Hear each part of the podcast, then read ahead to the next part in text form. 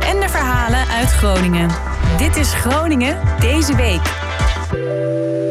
Leuk dat je luistert. Mijn naam is Hilke Boersma en dit is Groningen deze week. Het was uh, natuurlijk de week waarin het uh, demissionair kabinet heeft besloten... dat de winkels volgende week weer open mogen. Maar alleen voor het uh, ophalen van bestellingen. Ik ben heel benieuwd hoe dat eruit gaat zien. De ene winkel heeft hier ook meer aan dan de andere, denk ik. Je zou misschien kunnen denken... Dan kun je een beetje langs etalages lopen, een beetje naar binnen kijken... en dan kijken wat je wil hebben als een soort marktkraam. Maar dat kan dus niet. Er moet vier uur tussen de bestelling en het ophaalmoment zitten. En dat is, is dus besloten om, uh, om funshoppen tegen te gaan. Dan zou je misschien nu kunnen denken, waarom zou ik dan niet gewoon bestellen? Dat is veel makkelijker. Maar het lijkt erop dat het kabinet dit vooral heeft gedaan voor, voor kleine lokale ondernemers... die misschien nog niet zo diep in de e-commerce zitten... en die nu helemaal geen inkomsten hebben. En wij spraken Erna Schuttert. Zij heeft een kledingwinkel in de Volkingenstraat. Nou ja, het is in ieder geval een begin want wij eh, missen onze klanten enorm. Dus ik vind het heel fijn dat uh, dan in ieder geval weer wat bekende gezichten uh, ga zien in de, in de winkel. Of in ieder geval bij de deur. En ik denk dat dat voor de mensen uit de stad en de omgeving zeker een reden is om dan af te halen in de winkel. En voor ons is het een hele fijne regeling. Maar ik had het graag gezien in combinatie met uh, personal shopping. Dus dat mensen toch een afspraak kunnen maken en in de winkel langs kunnen komen. En dan daar uh, gewoon rustig op hun gemak even wat dingetjes kunnen passen. En dat kan ook zeker in kleine winkels met uh, één of twee klanten. Dan moet het prima kunnen. Dus wat dat betreft ben ik wel teleurgesteld. We zijn hier sowieso en we werken aan de webshop. We, we, hebben een hele mooie opfrisse actie gedaan in de winkel. Dus dat was heel erg, ja, heel erg, heel veel hele mooie resultaten. Dat, was heel erg leuk ook om samen te doen. En um, ja, we zijn hier ook voor telefoontjes aan te nemen als klanten vragen hebben over maten. Dus we zijn hier toch. We hebben geen bel, dus we moeten even kloppen. En dit uh, gebeurde nog meer deze week in Groningen. Ja, we zitten natuurlijk al een tijdje thuis uh, met z'n allen. Als je een vriend of vriendin hebt, is dat misschien nog wel goed vol te houden. Maar uh, ja, voor alle vrijgezellen is het uh, toch lastiger. Daten gaat een stuk moeilijker nu iedereen thuis moet zitten. Je zou Tinder kunnen installeren, maar deze week was er ook een ander initiatief waar je voor kan gaan. Restaurant Zondag in het Noorderplantsoen heeft namelijk deze week de datebeker bedacht. Ja, je kan een, een beker ophalen. Een blauwe als je geïnteresseerd bent in mannen. En een roze als je geïnteresseerd bent in vrouwen. En met die beker kun je dus dan een beetje rondlopen in het, in het. En stel, als man heb je een roze beker vast. En uh, je ziet daar een vrouw lopen met een, met een blauwe beker. Dan zou dat wel iets kunnen worden. En we spraken Hans Moerkerk. Hij is de eigenaar van Restaurant Zondag en de initiatiefnemer. Ja, het is eigenlijk heel eenvoudig. Uh, er komen hier veel mensen die krijgen allemaal een bruin bekertje, zoals al wekenlang. Alleen er zijn ook heel veel mensen die ontmoeten elkaar bij zondag, spreken hier af. Uh, ze hebben elkaar lang niet gezien. En we merkten dat er ook heel veel mensen tussen zitten die elkaar ja, toch wel voor het eerst zien of lang niet gezien hebben.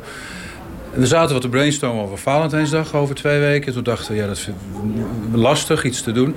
Toen kwamen we op het dating-idee van, ja, waar kun je nu nog mensen tegenkomen op een veilige manier in de stad? Hè? De cafés dicht, discotheek dicht, alles dicht. Wandelen in het park is veilig, afstand.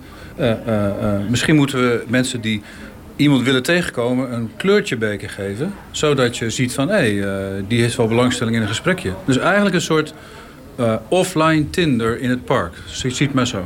Als ik uh, een leuke dame wil ontmoeten, of, uh, ik, dan neem ik een roze bekertje als signaal dat ik een dame wil tegenkomen en wel opensta voor een gesprekje. En als zij nou een blauw bekertje meeneemt, dan durven we misschien elkaar wat makkelijker aan te spreken in het park. Van hé, hey, leuk, en zullen we samen opwandelen, een kopje koffie drinken. Nou ja, dat, dat, het, het, is, het is gewoon meer, het is leuk voor in een beetje donkere tijd fleurige bekertjes. En uh, ach, misschien bloeit er een keer wat op ergens als het allemaal weer veilig is. Misschien is het wel leuk dat als we weer open zijn straks... en mensen hebben elkaar echt gevonden... dat we een soort diner-dingetje aanbieden... voor mensen die elkaar heel ontmoet hebben. Een soort aanbieding. Uh, daar moeten we even over nadenken. Maar we zijn de hele tijd aan het zoeken van... wat kunnen we doen om nog een beetje beetje gewoon gezellig te maken en het bedrijf een beetje op peil te houden. Dat de mensen kunnen doorwerken die bij ons in dienst zijn. Dus we hebben iets gedaan met kerstbomen, oliebollen. Nu proberen we dit. Ik las laatst in de krant dat Groningen de stad is met de meeste singles in de categorie 20, 30 jaar of zo. Uh, ik merk het ook aan de bezoekers hier. Dus er komen hier verschrikkelijk veel uh, dames die met elkaar afspreken. En dan aan eind van de middag wat meer eh, heren en jongens die met elkaar afspreken. Die ook gewoon vrienden. Er komen volgens mij heel veel singles in het park. Volgens mij is dit dé plek om iemand tegen te komen als je op zoek bent. En uh, nou ja, nu heb je een hulptoeltje dat je mensen kan aanspreken zonder elkaar uh, lastig te vallen. En in maart vorig jaar is de gemeente begonnen met een experiment... waarbij mensen die geen kans maakten op een betaalde baan... toch een baan kregen, namelijk de basisbaan. En het kan allerlei soorten werk zijn. werken bij een buurthuis, bij een sportclub... bij het assisteren van fietsshorts... het rondbrengen van maaltijden, dat soort werk... En de gemeente heeft inmiddels eh, onderzoek gedaan naar het eh, verloop van dit eh, experiment. En ze zijn positief. Je hoort wethouder Carine Bloemhoff. Ik ben eigenlijk heel erg blij dat we 25 basisbanen hebben weten te realiseren. Want we hadden natuurlijk corona. En in corona ja, hebben we heel veel activiteiten van, van werk en participatie zijn gewoon stil komen te liggen. De buurthuizen zijn dichtgegaan. Uh, er was gewoon niet zoveel te doen. En desondanks hebben we elke maand nog weer nieuwe basisbanen aan de slag gekregen in de wijk in de stad. Dus eigenlijk ben ik wel gelet op corona heel tevreden. Als gemeente hebben we hier zelf geld voor beschikbaar gesteld. Omdat we echt geloven dat we mensen uh, niet mogen afschepen met een uitkering. Maar dat iedereen recht heeft op werk, hè, op zijn of haar niveau. Want heel veel mensen die kunnen niet uh, binnen het gewone bedrijfsleven aan de slag. Maar die kunnen wel nuttige klussen doen. En we hebben vooral uh, echt hulp nodig van het Rijk om dit ook verder te krijgen. Want de participatiewet is natuurlijk helemaal geen participatiewet.